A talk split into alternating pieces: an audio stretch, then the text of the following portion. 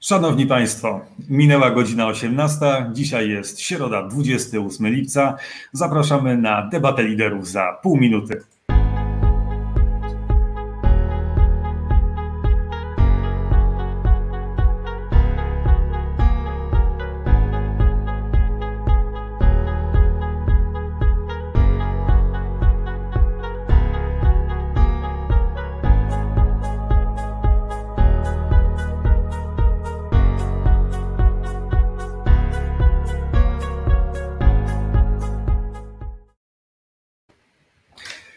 Witam Państwa bardzo serdecznie. Nazywam się Jakub Lewandowski i mam zaszczyt poprowadzić dla Państwa dzisiejszą debatę liderów. E, moimi Państwa gośćmi jest e, Wit Maniewski ze Stowarzyszenia Młodzi Demokraci. E, witam Pana prowadzącego oraz współdebatujących. Kamil Jastrzębski ze Stowarzyszenia Młoda Prawica. Dzień dobry, witam. Kuba Milski z Ostrej Zieleni. Dobry wieczór wszystkim oraz Łukasz Maciejak z pokolenia 2050.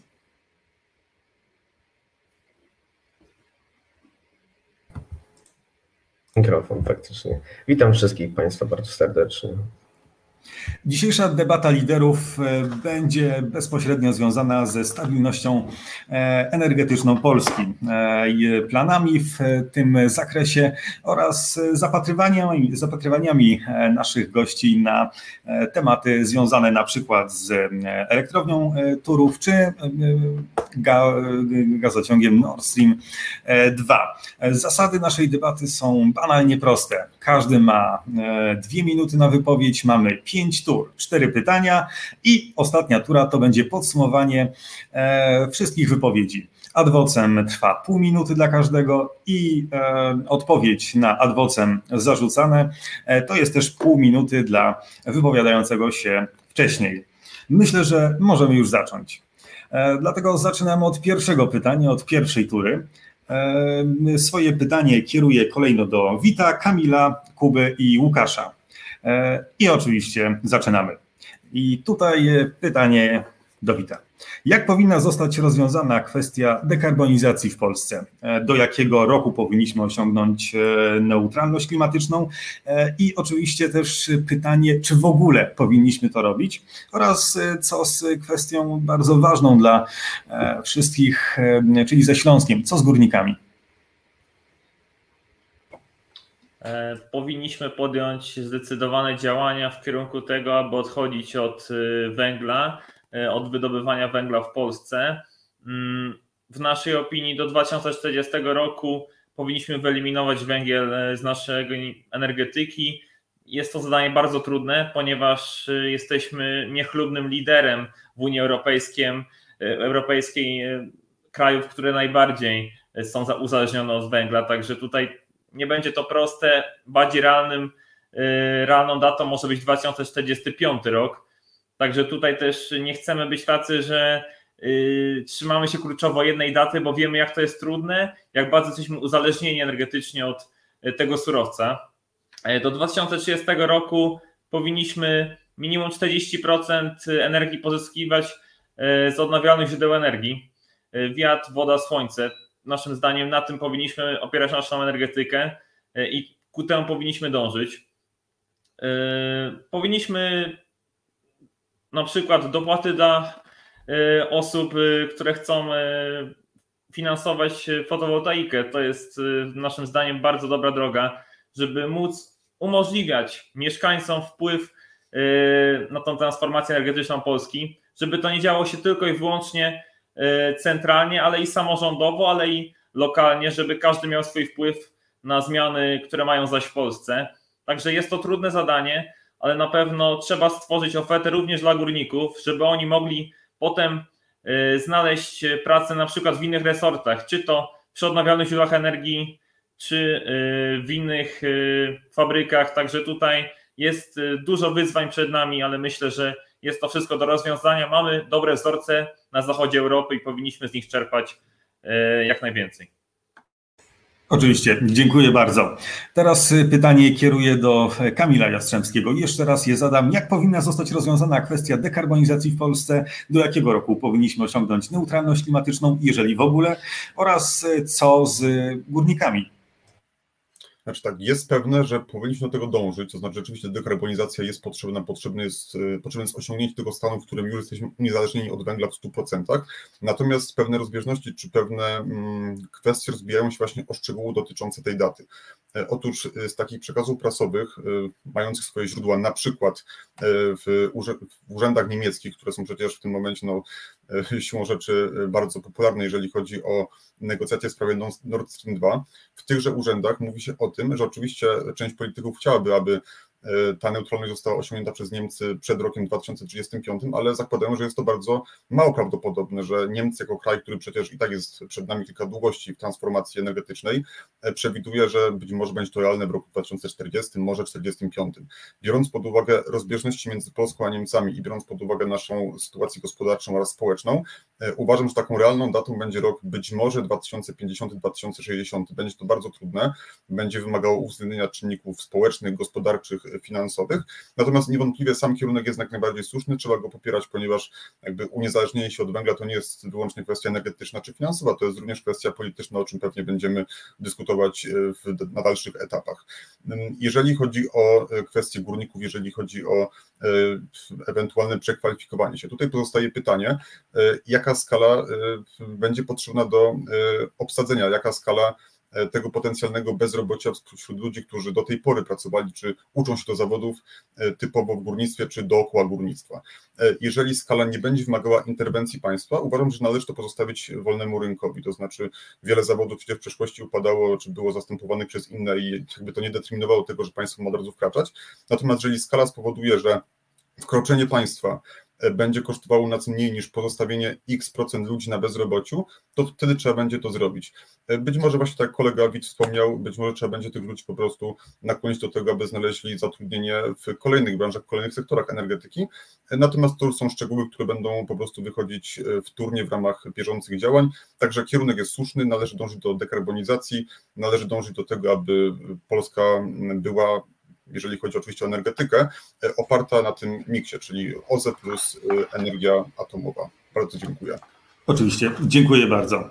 Teraz y, chciałbym zapytać Kubę Bilskiego z Młodych, z Ostrej Zieleni. Bardzo proszę. Nie wiem, czy powtórzyć pytanie, czy poradzisz sobie. Nie, nie, dziękuję, tak. Więc odpowiadając na pytanie tutaj będzie kilkuczłonowe. Po pierwsze, rok odejścia od węgla. Rzeczywiście czasu jest e, mało, tutaj można porównywać się z wieloma krajami, e, do którego, w który rok możemy mierzyć, natomiast prawda jest taka, że cały czas tylko słychać, że jest za mało czasu, nie zdążymy do wtedy, nie zdążymy do wtedy i przez to po prostu odkłada się to działanie, odkłada się te stanowcze kroki, ciągle zasłaniając się tym, że nie ma wystarczająco czasu. Więc to, co trzeba zrobić, to teraz wykorzystać te szanse, ten ogromny fundusz, któryśmy, który dostaliśmy europejski, do tego, aby zrobić bardzo stanowcze ruchy w kierunku właśnie dekarbonizacji, ponieważ nie możemy zmarnować kolejnej szansy, którą mamy na zmianę, transformację naszej, e, naszego systemu energetycznego, e, znowu mówiąc, że nie jest wystarczająco czasu. Powinniśmy celować i mierzyć w 2040, nie później, ponieważ e, tak naprawdę to pytanie z natury trochę się z nim nie zgadzam, a nawet bardzo, ponieważ my jako Zieloni jesteśmy bardzo proeuropejska integracja blisko nasze młodzieżówki są i tak samo blisko są partie zielone. I naszym spojrzeniem e, nie jest spojrzenie, jak Polska sobie ma radzić z transformacją energetyczną, tylko jak Europa ma sobie poradzić z transformacją energetyczną. I Europa musi sobie poradzić, wykorzystując swój ogromny kapitalistyczny rynek, który ma. To znaczy, jak najefektywniej lokować środki w produkcji energii elektrycznej, tak żeby zyskiwał cały kontynent to znaczy zainwestować w unowocześnienie i poszerzenie naszego, y, naszej sieci przesyłowej i inwestować w te kraje jak na przykład Szwecja, która już w tej chwili eksportuje 35 terawatogodzin. Ponieważ są kraje, które o wiele taniej, o wiele szybciej, o wiele łatwiej mogą wytwarzać tą energię właśnie um, głównie z OZE i one mogą um, za pomocą współpracy integracji europejskiej przysyłać, sprzedawać i budować wewnętrzną, wspólną sieć energetyczną, a nie skupiać się tylko na naszym kraju i znowu patrzeć w ten sam sposób. Tak, i jeszcze dodam tylko dwa słowa o górnikach, bo widzę, że już jest e, ekran z resztą osób, że oczywiście im później zaczniemy górników przetrenowywać, przekwalifikowywać, tym gorzej. Im później zaczniemy zamykać te kopalnie, co i tak zrobimy, tym gorzej. Już wystarczająco czekaliśmy, musimy to zrobić teraz. Dziękuję. Oczywiście, dziękuję bardzo. Teraz poproszę Łukasza e, Maciejaka z e, pokolenia 2050, by ustosunkował się do pytania. Ja bym z chęcią usłyszał ponownie. Nie zapytałeś mnie. Bardzo proszę. E, czyli pytam jeszcze raz, jak powinna zostać rozwiązana kwestia dekarbonizacji w Polsce? Do jakiego roku powinniśmy osiągnąć neutralność klimatyczną, jeżeli w ogóle? Oraz co z górnikami? Tak, absolutnie. Nie tylko ja, ale tak samo pokolenie 2050 i Polska 2050 zgadzamy się w tym, że pierwsze powinna zostać dokonana dekarbonizacja. Tutaj oczywiście możemy wykorzystać OZE, o którym rzecz jasna była mowa i oczywiście energia cieplna, wiatrowa, wszelkie wszystkie powiązane, natomiast powiedzmy sobie szczerze, że dodatkowe źródła, które moglibyśmy pozyskać, to również wykorzystywanie biomasy. Zresztą nie tylko biomasy, dlatego że mm, energia, która gdzieś tam powstaje, musimy, musimy ograniczać węgiel bruna albo wszystkie, całą technologię związaną z tym. Natomiast, e, tak jak wspominałem, data, do której powinniśmy dojść, a więc rok 2050. Tutaj oczywiście mm, była mowa e, wcześniej, no również moi przedmówcy mówili o OZE, o mm, jak tak, oczywiście teraz wspomniałem biomasie, natomiast kwestia Mm, fundamentalna, to w jakim okresie jesteśmy, czy jesteśmy w ogóle w stanie do tego dojść. Oczywiście jesteśmy w stanie do tego dojść, natomiast e, to będą działania bardzo długoterminowe, to znaczy mm, przechodzenie na, czy zwiększanie również, mm, zwiększanie ludzi, czy wykorzystywanie fotowoltaiki w całym, całym naszym e, energetyce bezpieczeństwa no, będzie trwać oczywiście jak wskazałem datę 2050, być może udałoby się to rozwiązać w roku 2045, natomiast nie byłbym aż tak poważnym optymistą w tym mierze. Natomiast oczywiście padło pytanie odnośnie górników. Jest to bardzo duża grupa ludzi, która docelowo albo wykształciła się w kierunku, żeby zostać górnikami, albo również przez wiele, kilkanaście bądź kilkadziesiąt lat się tym zajmowała. Ja wiem, że gdzieś tam czas się zbliża, natomiast nie możemy tych ludzi pozostawić w taki sposób jeśli oni zajmowali się przez długi czas tym, to oczywiście powinna się pojawić e, kwestia świadczeń, choćby jako narzędzia doraźnego, tak żeby nie pozostawić tym ludzi, ludzi tak po prostu sobie. Natomiast druga kwestia oczywiście, która również się pojawiła wcześniej, natomiast kwestia możliwości przebranżowienia tych ludzi, dlatego że jeśli mówimy o ludziach w wieku lat 30-40, którzy są górnikami, oni nie mogą w taki sposób zostać przy, pozostawieni sami sobie, więc kwestia pomocy, wykwalifikowania tych ludzi, zapewnienia im środków, ażeby mogli e, uzyskać nowe umiejętności i odnaleźć się na tym lokalnym rynku pracy, kiedy już będziemy zamykać, e, czy to elektrownie, w tym wypadku węglowe, brunatne itd., tak itd. Tak Natomiast myślę, że odpowiedziałem chyba na wszystkie pytania, które zostały wskazane. Tak. Tak, e, dziękuję bardzo. Teraz e, przechodzimy do e, serii pytań adwocem, do komentarzy innych. Czy ktoś chciałby zabrać głos? Widzę, że panuje zgoda, to, to chyba dobrze. Dobrze, w takim wypadku, jeżeli nie ma żadnego adwocem, przechodzimy do kolejnego, drugiego pytania, do drugiej tury i zasady mamy dokładnie te same. Ja zmniejszam, czy raczej z, z, zmniejszam e, mówcę wtedy, kiedy pozostaje mu pół minuty do końca. Także nie, nie musimy się e, bać e, o czas. Przechodzimy do drugiego pytania. Co powinno stać się z Turowem? Ogromne zamieszanie, wielka medialna nagonka wszystkich składowych partii z polskiej sceny politycznej, wyrok Trybunału Sprawiedliwości co powinno stać się z elektrownią? I myślę, że do tego pytania e, jako pierwszy ustosunkuje się Wit Maniewski z Młodych Demokratów. Bardzo proszę. Na początku chciałbym zwrócić uwagę na to, że już w lutym zapowiadano, iż sprawa Turowa może trafić do Trybunału Sprawiedliwości Unii Europejskiej, a polski rząd e, kompletnie to zlekceważył. Nie podjęto praktycznie żadnych kroków, e, aby temu zapobiec. Rząd PiSu zawsze chwali się współpracą w ramach Grupy Wyszehradzkiej, w której są Czesi, a jak się okazuje, to, to właśnie z Czechami tak duże problemy dyplomatyczne w ostatnich miesiącach mieliśmy. E, sprawa jest o tyle banalna, że można było to rozwiązać e, znacznie szybciej. E, żądania Czechów nie były tak radykalne, jak są teraz po decyzji, po, po wyroku Trybunału, po tym jak się na ten temat wypowiedział Trybunał Sprawiedliwości Unii Europejskiej. Wcześniej żądano kilku transparentnych decyzji polskiego rządu, które kosztowałyby nas kilkadziesiąt milionów złotych, ale w skali całego przedsięwzięcia nie byłyby e, wielkimi pieniędzmi. Zlekceważyliśmy to. Następnie premier Morawiecki wystąpił e, po spotkaniu z premierem Czechii, e, zapowiedział, że jest zgoda pomiędzy Polską a Czechami w tej sprawie. Parę godzin później zdementowano te słowa. Premier Babisz powiedział, że E, nic takiego nie miało miejsca, że nawet o tym niezbyt chciał e, rozmawiać. Także ta niespójność e, rządu PiSu w polityce dyplomatycznej tutaj ma swoje odzwierciedlenie. Brakuje przejęcia inicjatywy, zapobiegania pewnym sprawom. Jest bardzo dużo rzeczy robione zbyt późno, no i potem mamy tego skutki. Także to nie jest spór na linii Polska-Unia, to jest spór na linii E, Polska, Czechy, w którym na pewno nie powinniśmy e, z dnia na dzień zamykać kopalni w Turowie, bo strategicznie dla Polski jest to e, negatywne. Tam pracuje około 3000 górników.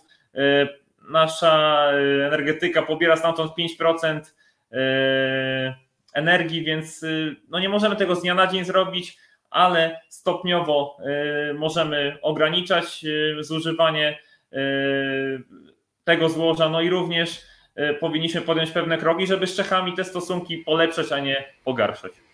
Oczywiście, dziękuję. Perfekcyjnie dwie minuty. E, teraz przechodzimy do Kamila Jastrzębskiego z Młodej Prawicy. I powtórzę jeszcze raz pytanie, co z Turowem? Bardzo proszę. Sprawa jest bardzo trudna, ponieważ ona ma wymiar i energetyczny, i dyplomatyczny, i również polityczny.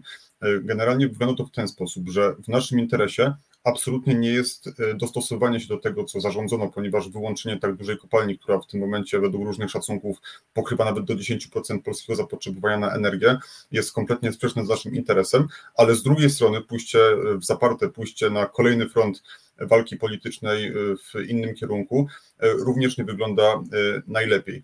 Zgodzę się z taką bardzo ogólną tezą, że faktycznie to jest bardziej w tym momencie konflikt między Polską a Czechami i skoro on swoje źródło ma właśnie E, w tym przypadku, no to należałoby do tego źródła wrócić i z Czechami negocjować ewentualne warunki wycofania się z tego wniosku, e, ponieważ w tym momencie to jest chyba jeden z niewielu mechanizmów, który mamy w ręce, oprócz jeszcze jednego, mianowicie artykułu 163 e, regulaminu CUE, który mówi bardzo ogólnie, bo oczywiście te zapisy są konkretyzowane na gruncie różnych wykładni prawnych, o tym, że postanowienie może być zaskarżone i może być też cofnięte, jeżeli strona e, wykaże zmianę okoliczności. To jest oczywiście bardzo ogólne e, pojęcie, pytanie, co się będzie pod nim tak dokładnie kryło w ewentualnym dalszym e, procesie.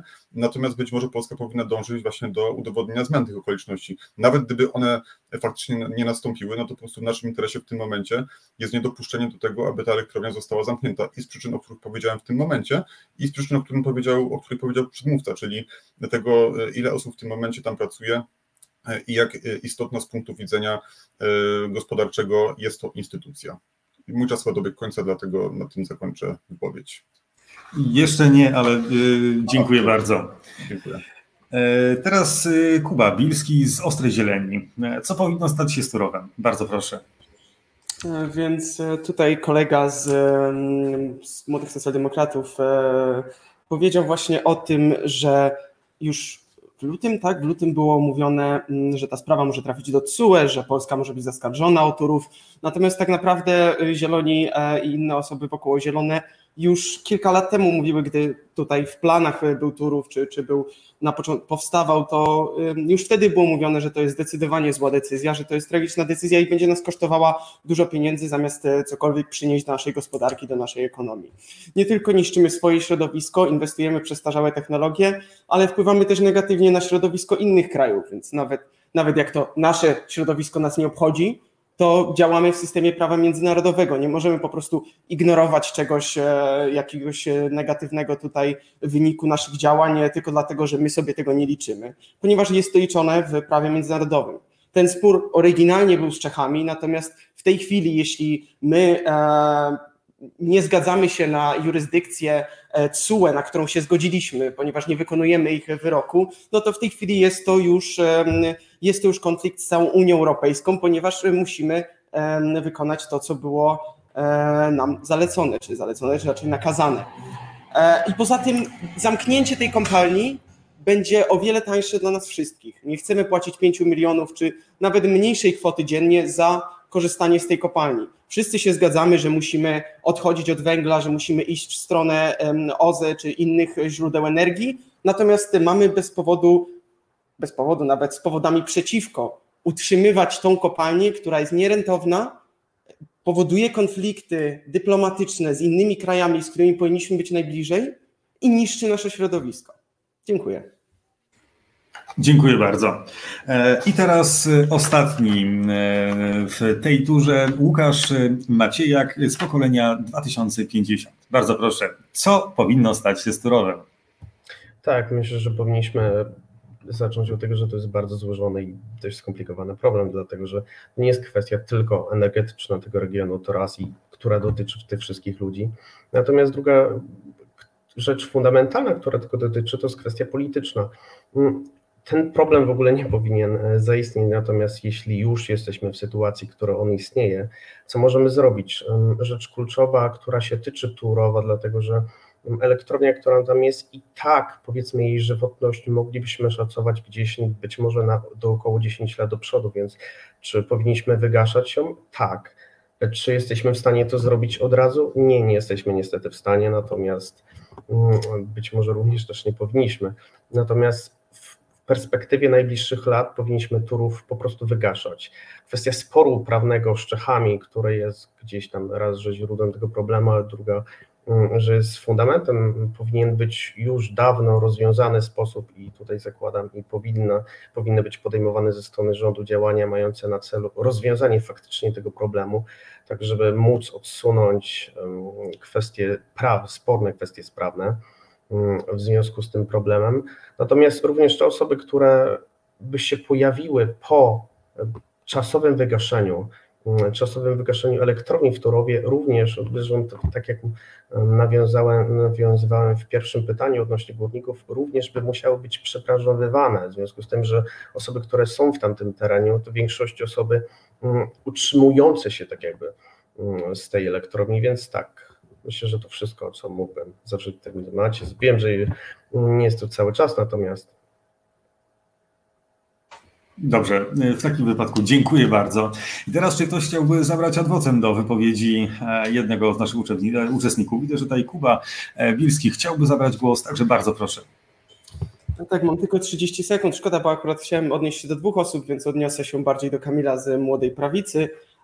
Tutaj odnosząc się do tego, do tej zmiany okoliczności, tutaj w tym regulaminie w prawie międzynarodowym e, ta zmiana okoliczności musiała być znacząca, czyli albo Polska przestałaby na przykład zamknęła, wygasiła swoje kopalnie, albo przestałyby one wpływać na środowisko czeskie, albo Czechy przestałyby um, rzeczywiście widzieć problem w tym, że jest takie zanieczyszczenie. Czyli tak czy siak trzeba to problem rozwiązać, tu nie ma trzeciej e, drogi. Dziękuję bardzo. Teraz e, tak, teraz oczywiście Kamil ma prawo do półminutowego, półminutowej. To znaczy, wydaje mi się, że w sumie tutaj kolega powiedział, e, parafrazując mniej więcej to samo, co ja wcześniej, to znaczy, to rzeczywiście jakby trzeba się oprzeć właśnie o ten zapis, natomiast jego wykonanie i to, w jaki sposób my to zinterpretujemy i przedstawimy przed Trybunałem, to już jest sprawa do dyskusji, sprawa wtórna. Zobaczymy, co ustali dyplomacja czeska z dyplomacją polską. Też pamiętajmy o tym, że po prostu poważna polityka polega na tym, że pewne rzeczy nie wychodzą poza e, ściany gabinetów, poza rozmowy pomiędzy najważniejszymi osobami w państwach. I tak samo działa zresztą Unia Europejska, tak samo działają wszystkie poważne instytucje. Dlatego w zależności od tego, co się ustali na tym najwyższym szczeblu, ta sprawa zostanie zakończona, ale tutaj muszę też pewnym osobom, e, no, pewne osoby wprawić taki zły nastrój. Nie o wszystkich szczegółach będziemy informowani jako opinia publiczna. Dziękuję bardzo. Dziękuję bardzo. Czy ktoś jeszcze chciałby zabrać głos? Dziękuję bardzo. W takim wypadku myślę, że możemy już zakończyć drugą turę i przejść do kolejnego pytania, e, czyli jak powinna zachować się Polska, w tym polska dyplomacja w sprawie Nord Stream 2. I tutaj e, zaczynamy kolejno od e, Wita Maniewskiego z Młodych Demokratów. Bardzo proszę.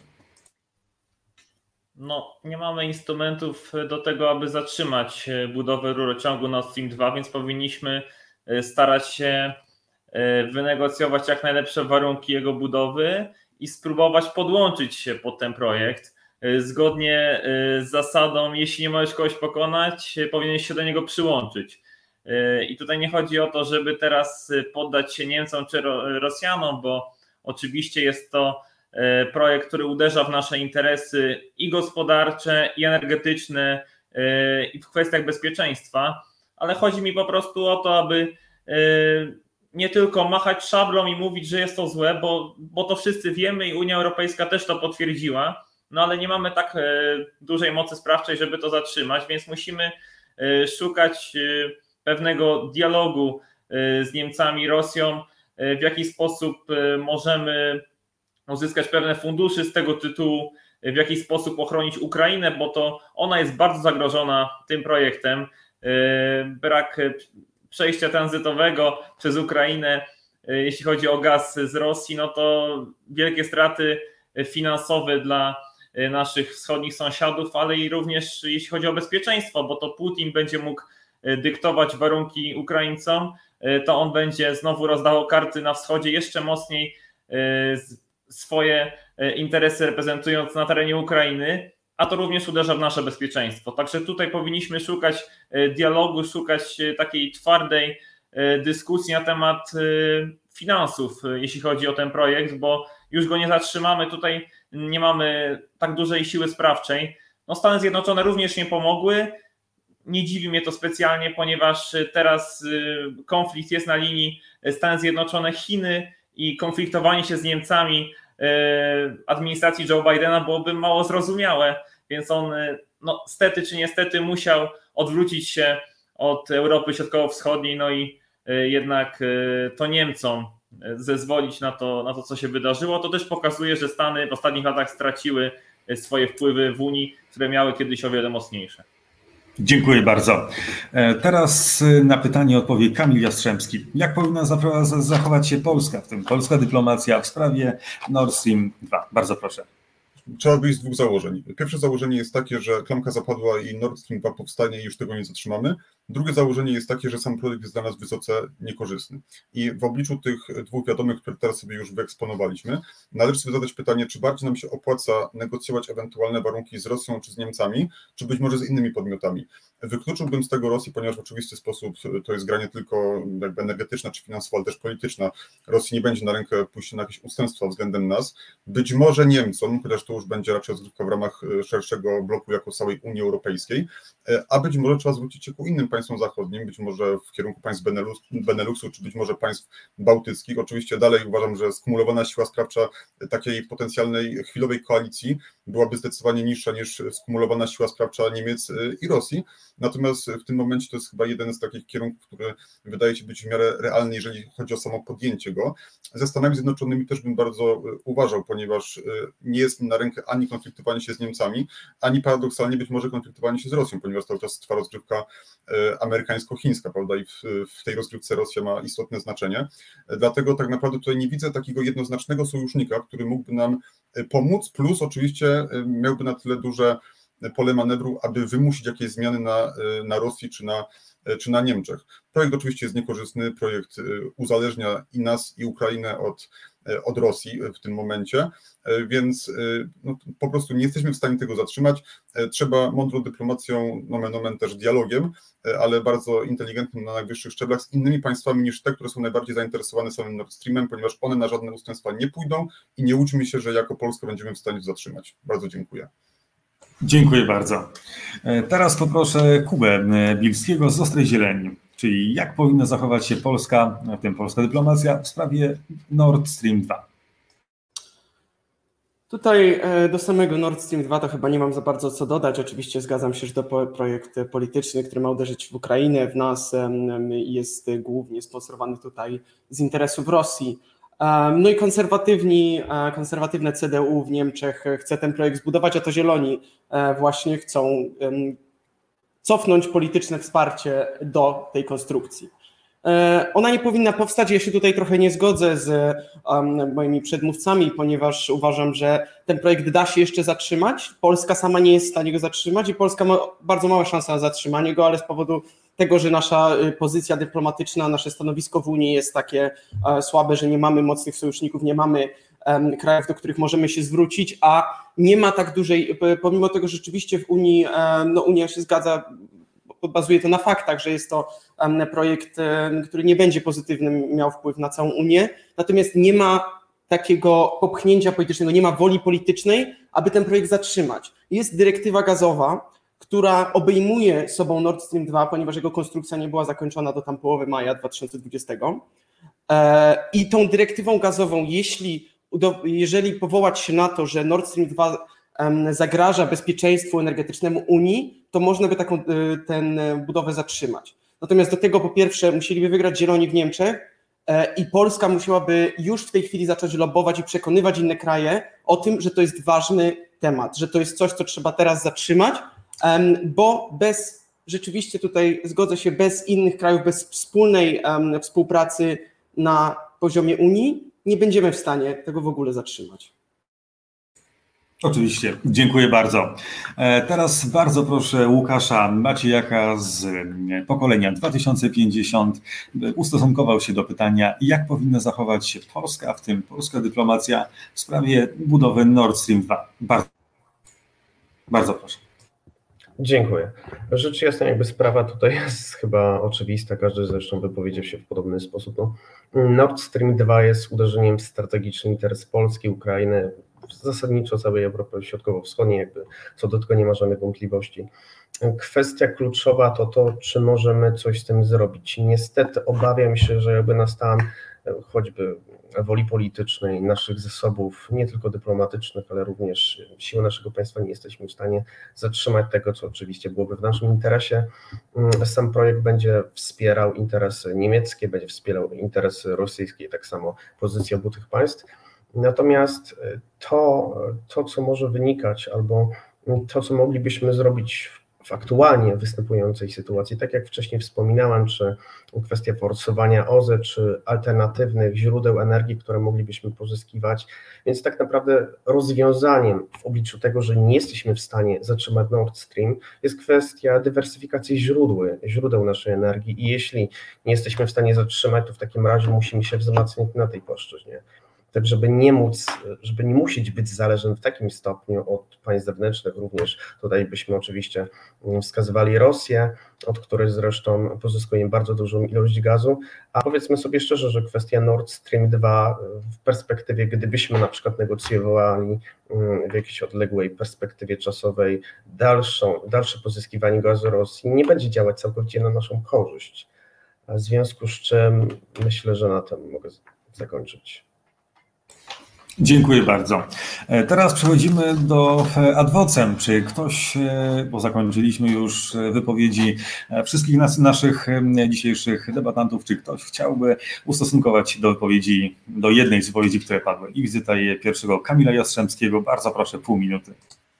Tak, ja mam adwocem do Kuby, bo tutaj przedstawiłeś oczywiście bardzo w intencjach szlachetną wizję, że tutaj prawda, ktoś inny wygrał w Niemczech wybory i siłą dyplomacji powstrzyma ten projekt, natomiast obawiam się, że on już jest na tyle daleko posunięty i wchodzą w grę takie pieniądze i takie interesy, że z całym szacunkiem x posłów Partii Zielonych nie będzie miał nic do gadania. W tym momencie Gazprom w ostatnich latach odnotował takie straty, że jestem przekonany, iż właśnie oligarchowie rosyjscy, czy być może nawet ukraińscy, czy białoruscy agenci wpływu w tych państwach wylobbowali sobie u poszczególnych polityków w Niemczech takie zmiany, e, że tak powiem, odpowiednie benefity już zostały zaksięgowane, oczywiście nieoficjalnie, ale zostały.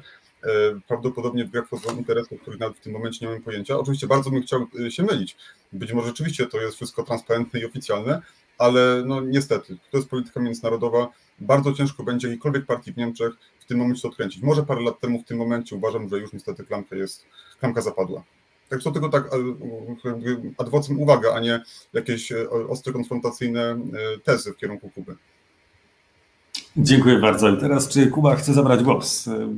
Tak, to ja tylko powiem, że ja się tutaj w sumie zgadzam w pełni, e, dlatego powiedziałem, że partia Zielonych w Niemczech wycofa swoje polityczne poparcie, bo rzeczywiście oni, jeśli to byłaby decyzja partii w Niemczech, to musieliby zapłacić odszkodowania. Tak jak mówisz, te biznesy wpakowały bardzo duże ilości pieniędzy w to i w tej chwili koszt dla, dla ludzi, e, dla Niemców byłby ogromny, jeśli musieliby płacić za to odszkodowania. Dlatego ta dyrektywa gazowa Unii na poziomie Unii Europejskiej jest wyjściem, ale póki CDU jest u władzy, to oni będą na poziomie Unii, ile tylko mogą zatrzymywać e, i blokować właśnie zastosowanie tej dyrektywy gazowej. Nawet, nawet tego, że 50% nawet tej antymonopolowej ustawy, że tylko 50% może mieć Gazprom, resztę musi e, rozdać. Dziękuję bardzo. Czy ktoś jeszcze chciałby zabrać głos? Proszę Cię bardzo, Witmaniewski. Ja tylko jeszcze uzupełnię tutaj adwocem pana Kamila, y, bo zgadzam się z tym i jeszcze dodam, że y, no Niemców będzie obowiązywać y, ciągłość polityki zagranicznej, niezależnie od tego, kto obecnie rządzi w kraju. To jest standard w demokracjach, że kontynuuje się politykę zagraniczną i budowy Nord Stream 2 nikt nie zatrzyma, mimo dobrych intencji zielonych, bo też o tym czytałem, dużo słyszałem. Może ze dwa lata temu, gdyby wygrali wybory, mieliby jakiś wpływ na to. Teraz już jest i tak za późno. Niestety nie uda się zatrzymać tego i, i tutaj jestem przekonany o tym. Dziękuję bardzo. Jeżeli nie ma e, kolejnych zgłoszeń, myślę, że przejdziemy do czwartego, ostatniego pytania, czwartej rundy, e, czyli czy w Polsce powinna powstać elektrownia atomowa? I tutaj myślę, że można też ustosunkować się e, do tego pod względem, czy jest to nadzieją, czy zagrożeniem budowa takiej mm, elektrowni atomowej. I zaczynamy kolejny raz od Wita Maniewskiego ze Stowarzyszenia Młodych Demokratów. Bardzo proszę. E, jako młodzi demokraci jesteśmy w tej kwestii e, znacznie podzieleni, mamy różne poglądy na ten temat, więc e, nie będę wyrokował w imieniu całego stowarzyszenia. Mamy zarówno zwolenników budowy elektrowni jądrowych, ale i przeciwników. Mm, jesteśmy zgodni co do tego, że trzeba mocno postawić na odnawialne źródła energii, że powinniśmy jak najwięcej budować elektrowni wiatrowych, które obecna władza przestała, w które przestała kompletnie inwestować tutaj widzimy duże pole do e, rozbudowy tego sektora energetycznego. E, tak samo z elektrowniami wodnymi czy słonecznymi, więc tutaj nie mamy wątpliwości. Energia pozyskiwana z gazu również może być dobrą alternatywą. Oczywiście docelowo trzeba jak najbardziej zielone źródła wykorzystywać, mm, ale jeśli chodzi o atom, no to nie mamy jednoznacznego stanowiska widzimy plusy i minusy. Yy, budowa elektrowni jądrowej to jest około 10 lat. To jest sporo w kontekście tego, że chcemy jak najszybciej yy, przetransformować naszą yy, energetykę. Z kolei odnawialne źródła energii są coraz tańsze, więc też tutaj widzę duży potencjał, jeśli chodzi o Polskę, która jednak tych funduszy nie może wydać tyle, co na przykład Francja, która jest zależna w 75% od energetyki jądrowej. Także zielone źródła energii, a jeśli chodzi o atom, no to duża debata publiczna na ten temat, no i wyliczenie zysków i strat finansowych, bo budżet Polski w najbliższych latach nie będzie zbyt mocny, więc tutaj potrzebujemy dobrych analiz, czy nam się to po prostu opłaca. Oczywiście, dziękuję bardzo. Teraz e, to samo pytanie do Kamila Jastrzębskiego z Młodej Prawicy. Czy w Polsce powinna powstać elektrownia atomowa i ewentualnie za, nadzieje lub zagrożenia płynące z takiej budowy? Bardzo proszę. E, tak, powinna powstać. E, musimy ją traktować bardziej jako inwestycję, też tak powiedzmy, powiedzmy polisę na przyszłość, ponieważ oczywiście e, ta budowa będzie trwać i też sądzę, że ten dziesięcioletni okres, o którym powiedziałeś wcześniej, Wit, to też jest optymistyczna prognoza. Myślę, że będzie przynajmniej kilkanaście. Dlatego też należy to traktować troszeczkę jako proces, jako docelowy kształt, który ma nam zapewnić energetykę atomową, energię atomową. Zagrożenia w zasadzie w tym momencie powiem w ten sposób. W momencie, w którym rzeczywiście poza naszymi granicami blisko E, Polski istnieją również e, elektrownie atomowe w innych krajach, to tak naprawdę, jeżeli tam nic się nie wydarzyło i do tej pory, przynajmniej tak mi się wydaje, nie ma jakichś jednoznacznych sygnałów, żeby coś się działo niepokojącego pod kątem samego bezpieczeństwa, to po pierwsze nie zakładam, żeby coś takiego działo się w Polsce, a po drugie, gdyby wydarzyło się tam, to Polska to nie ominie, ponieważ jakby granice są w tym momencie tylko aż administracyjne, to granice nie są przecież przeciwko zagrożeniom energetycznym czy związanymi z jakimiś problemami technicznymi w tych, w tych elektrowniach. Oczywiście powinniśmy to wszystko jeszcze uzupełnić OZE, powinniśmy inwestować w fotowoltaikę czy w inne źródła energii odnawialnej, ale nie sądzę, aby w skali całego kraju to wystarczyło. Energia atomowa powinna być podstawą, powinna być czymś, co nam w tym momencie będzie przyświecało jako główny punkt transformacji, transformacji energetycznej, E, bo jeżeli ktoś na przykład mówi, że Polska powinna odejść od węgla, a wszyscy to przecież powiedzieli w dzisiejszej debacie, no to trudno, żeby ta osoba jedno, później jednocześnie powiedziała, że elektrownia, że energia atomowa jest czymś jednoznacznie złym i powinniśmy się od tego e, uchronić, ponieważ jeżeli byśmy szli praktycznie samym OZE, to nie wiem, czy perspektywa kilkudziesięcioletnia wystarczy. To nie byłaby przynajmniej przypadkiem perspektywa nawet kilkusetletnia. Nie znam takich wyliczeń w tym momencie, natomiast no jednak uważam, że ta elektrownia atomowa powinna powstać, to jest nasz interes. Dziękuję bardzo. Oczywiście, dziękuję bardzo. Teraz proszę o zabranie głosu przez Kubę Bilskiego z Ostrej Zieleni, czyli w, czy w Polsce powinna powstać elektrownia e, atomowa? Bardzo proszę. Tak, to ja dodam tylko też na początku tutaj podobnie jak widz, że um, będzie to e, bardziej stonowana moja opinia, ponieważ jako Ostra nie mamy oficjalnego jeszcze stanowiska na temat elektrowni atomowej, e, ale ja też uważam to pytanie za w pewnym zakresie mm, zbytnio e, takie obozowe, to obozowe w takim sensie, że każdy idzie obóz, ja jestem za, ja lubię elektrownie atomowe, chcę elektrownie atomowe, ja lubię wiatraki, coś tam, panele, chcę wiatraki a powinniśmy bardziej opierać się na planach transformacji energetycznej, czyli dokładnie jaki mix, mix chcemy docelowo, z której energii ile procent, e, gdzie chcemy ją wytwarzać, w jaki sposób, opierać się o wiele bardziej e, na tym tutaj, na planie konkretnym, a nie na e, samym pewnym odczuciu w zakresie jednego źródła energii. Jeśli chodzi o takie dobre plany, chociaż już trochę przestarzałe, bo paruletnie, to Polska dla pokoleń, plan WWF-u albo cztery scenariusze Forum Energii są takimi dwoma planami, z których można czerpać e, tutaj informacje. E, ja powiem, że w planie, który ja widzę, czy my widzimy, nie jest potrzebna elektrownia atomowa. Tak jak mówiłem, skupienie jest tutaj na e, OZE i na współpracy, na współpracy europejskiej, na wspólnej polityce energetycznej. Natomiast odnosząc się do samego atomu, no to każde, każde źródło energii ma plusy i minusy. Dla mnie największe minusy atomu to jest to, że jest właśnie strasznie droga, to, że tutaj zgodzę się bardziej z Kamilem, że to 15 lat to już jest bardziej realistyczne, chociaż trzeba patrzeć też na to, że 10 lat już budujemy i nic nie ma. Eee, I minus kolejny to, że to jest ogromny projekt rządowy, który pompuje pieniądze w jedną ogromną spółkę albo firmę, zamiast rozdysponować te pieniądze pomiędzy wiele mniejszych lub średnich firm. No nie jest to raczej polityka, w którą chcemy iść. Eee, I tak samo wydobycie uranu no zależy, czy chcemy go wydobywać lokalnie, czy, czy skupować. Natomiast e, on e, niszczy środowisko i, i, bardzo często ludność, która mieszka w, w, okolicy wydobywania takiego uranu, wiemy, że w Nigrze kilkadziesiąt osób umiera każdego roku z powodu tego, że produkują czy wydobywają uran, który wykupuje Francja. Jeszcze ostatni minus, że nie są elastyczne, nie można dostosowywać energii do ciągle zmieniającego się OZE, tak jak to jest przy innych źródłach. Dziękuję bardzo. E, teraz e, bardzo proszę Łukasza Maciejaka z pokolenia 2050. Czy w Polsce powinna powstać elektrownia atomowa? Bardzo proszę.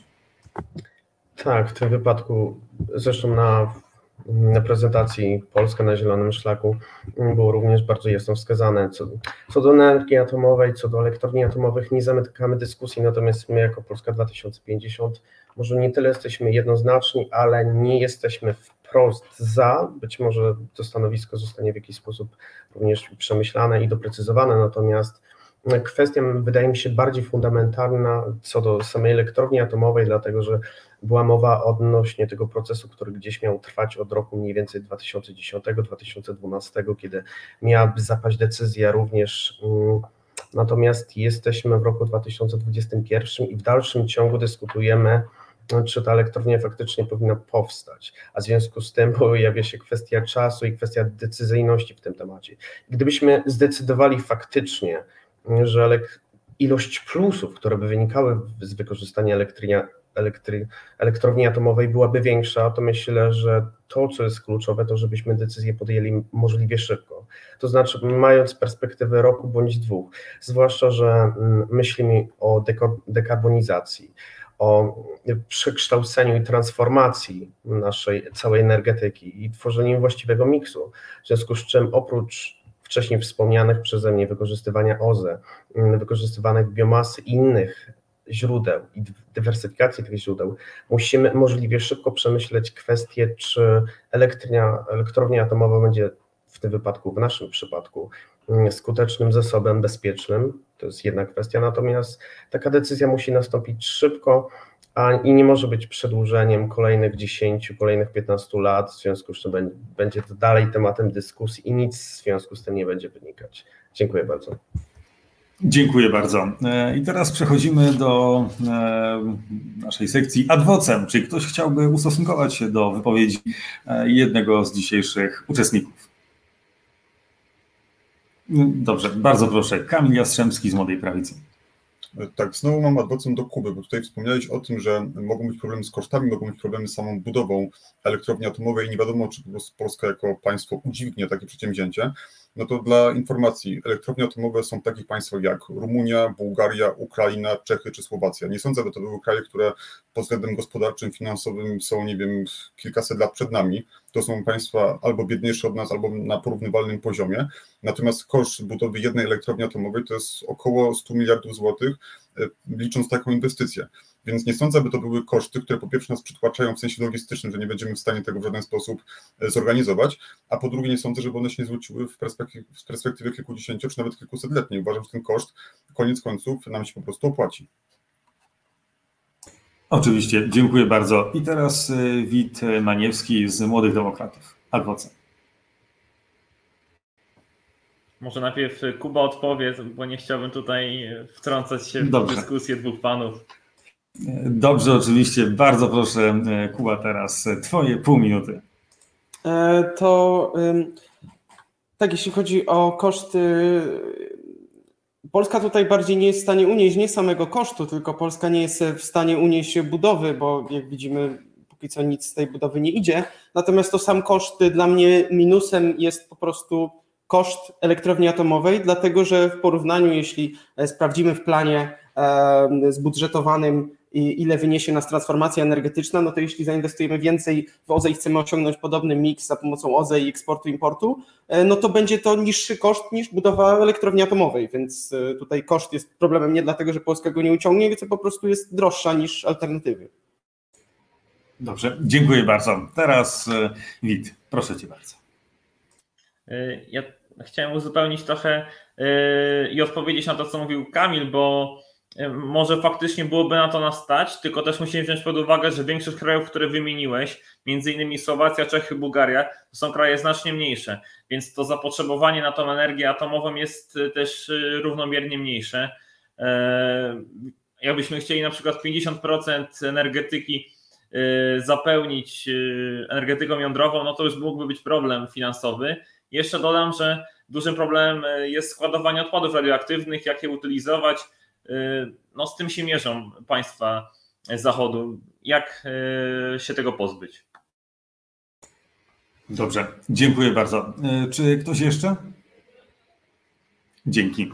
E, w takim wypadku przechodzimy do ostatniej już rundy, piątej, czyli otwartych wypowiedzi naszych uczestników. E, I to samo e, poruszamy te same kwestie, czyli sprawa energetyki, I tutaj e, kolejno, tak jak wcześniej, Wit, Kamil, Kuba i Łukasz mają dwie minuty, by podsumować swoje wypowiedzi, ocenić e, wypowiedzi też innych. I bardzo proszę, zaczynamy od Wita Maniewskiego ze Stowarzyszenia Młodzi Demokraci. Przede wszystkim cieszę się, że taką debatę podjęliśmy, bo to jest bardzo istotny temat, jeden z tych kluczowych współczesnej polityki. E, może również cieszyć to, że jesteśmy zgodni co do tego, że musimy odchodzić od węgla, że musimy transformację energetyczną e, przeprowadzić. Każdy ma swój e, sposób na to, każdy ma inne propozycje, ale to jest naturalne. Ważne, że idziemy w jedną stronę. Może to będzie ta rzecz, która będzie łączyć polską scenę polityczną, bo z reguły spieramy się w większości spraw, a tutaj te poglądy są bardzo zbieżne. Także tutaj możemy być zadowoleni z tego, że y, wszyscy chcemy w jedną stronę podążać i powinniśmy jak najbardziej stanowczo przechodzić na źródła energii, które są bardziej przyjazne środowisku niż te, które obecnie Polska w bardzo dużym stopniu używa. I miejmy nadzieję, życzmy sobie tego, żeby tak w najbliższych latach było. Dziękuję bardzo. E, teraz przechodzimy do kolejnego Kamila Jastrzębskiego ze Stowarzyszenia Młoda Prawica. Bardzo proszę Kamil. Ja jestem pozytywnie zaskoczony stopniem zgodności pomiędzy nami, bo rzeczywiście ogólne kierunki, które sobie tutaj nakreśliliśmy, są mniej więcej spójne dla każdego z nas. Oczywiście różnimy się w szczegółach, różnimy się w poszczególnych etapach tego procesu, czy w powiedzmy datach, terminach jego ukończenia. E, natomiast cieszy mnie to, że mamy wspólne zdanie co do Nord Streamu. Mamy powiedzmy w miarę wspólne zdanie co do tego, że transformacja ma zajść tego pytania, czy w oparciu właśnie bardziej o atom, czy o OZE, ale co do tego, że dekarbonizacja jest potrzebna, jesteśmy w miarę y, spójni. Y, I mam nadzieję, że ta sprawa będzie rzeczywiście również na tych najwyższych szczeblach y, traktowana jako trochę pozapolityczna, bo tutaj widzimy, że mamy przedstawicieli różnych środowisk, a jednak mówimy mniej więcej podobnym głosem i sądzę, że obok takich spraw powiedzmy obyczajowych czy spraw typowo gospodarczych właśnie energetyka jest tym, co w odróżnieniu od nich może nas połączyć, a nie, a nie podzielić i miejmy nadzieję, że właśnie w taki bardzo technokratyczny, bardzo mm, racjonalny sposób y, politycy z tego najwyższego szczebla będą do tego tematu podchodzili w najbliższych latach. Niezależnie od tego, kto będzie rządził, jakie to barwy polityczne y, przybierze, po prostu to jest w naszym narodowym, polskim interesie. Dziękuję bardzo. Dziękuję bardzo. E, teraz y, proszę, by głos zabrał Kuba Bilski z Ostrej Zieleni. Bardzo proszę.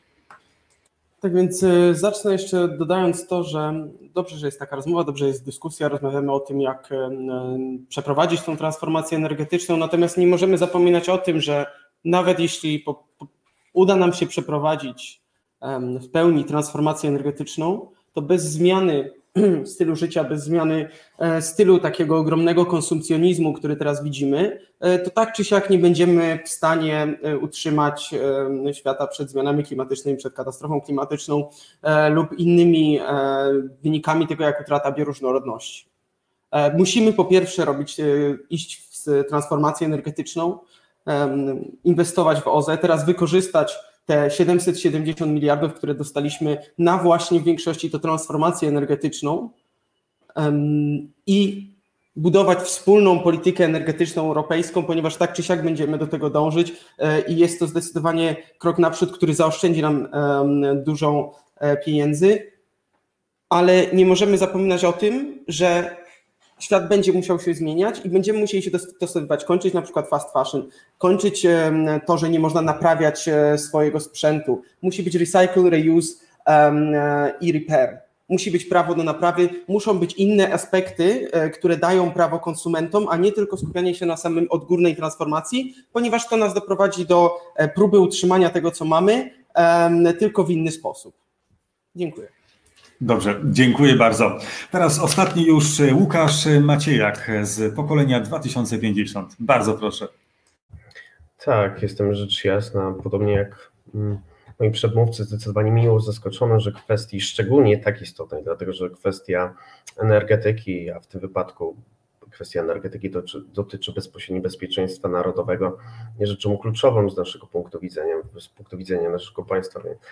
W związku z tym, tak jak wcześniej wspominaliśmy o Nord Streamie, mogliśmy jasno określić mm, kwestie zagrożeń, które wynikają z zagranicy. W tym wypadku w formie budowy Nord Streamu, tego całego projektu. Natomiast kwestia, e, którą chciałbym zawrzeć w podsumowaniu, a jest niezwykle istotna, również jest istotna z tego punktu widzenia, że wszyscy jasno widzimy perspektywę, którą musimy przeprowadzić, mianowicie dekarbonizacji. Również jesteśmy wskazać, w stanie wskazać, zgodnie w miarę podobny termin, rzecz jasna ten, którą wskazywałem na samym początku, a więc rok 2050, wydaje mi się całkiem realistyczny co do możliwości przeprowadzenia dekarbonizacji. Natomiast kwestia stworzenia odpowiedniego miksu, wykorzystywania energii odnawialnych, biomasy, wszelkich innych źródeł, które pozwolą nam dywersyfikacji, e, również e, nie tylko odejścia od kwestii węglowych, ale również ewentualnie w dalszej perspektywie albo zmianę kanału, z którego byśmy pozyskiwali gaz, który również wykorzystujemy w naszym miksie, to jest również jedna kwestia, którą gdzieś tam warto zaznaczyć, albo również gdzieś w dalszej perspektywie również dywersyfikacji tego gazu, tak żebyśmy w kontekście tego Nord Streamu 2 mogli w jakiejś perspektywie się bardziej uniezależnić i zwiększyć nasze bezpieczeństwo energetyczne. Dziękuję. Oczywiście, dziękuję bardzo. E, czy jest jakiś adwocem? Jeżeli nie ma, to e, myślę, że możemy już e, podziękować nam i naszym gościom, naszym widzom, przepraszam bardzo. Dlatego też bardzo proszę, dzisiejszymi uczestnikami był Wit Maniewski z Stowarzyszenia Młodzi Demokraci. Dziękuję za zaproszenie i do zobaczenia na następnych debatach. Kamil Jastrzębski ze Stowarzyszenia Młoda Prawica. Dziękuję, kłaniam się. Kuba Bilski z Ostrej Zieleni. Dziękuję bardzo wszystkim za debatę i dyskusję. Oraz Łukasz Maciejak z pokolenia 2050. Dziękuję Wam wszyscy widzowie, również e, moim współuczestnikom w dyskusji. Także podsumowując, to była debata o energetyce dla kanału My Politics. Łukasz Maciejak, Kamil Jastrzębski, Kuba Wilski, Wit Maniewski. Dziękuję Państwu bardzo i do zobaczenia.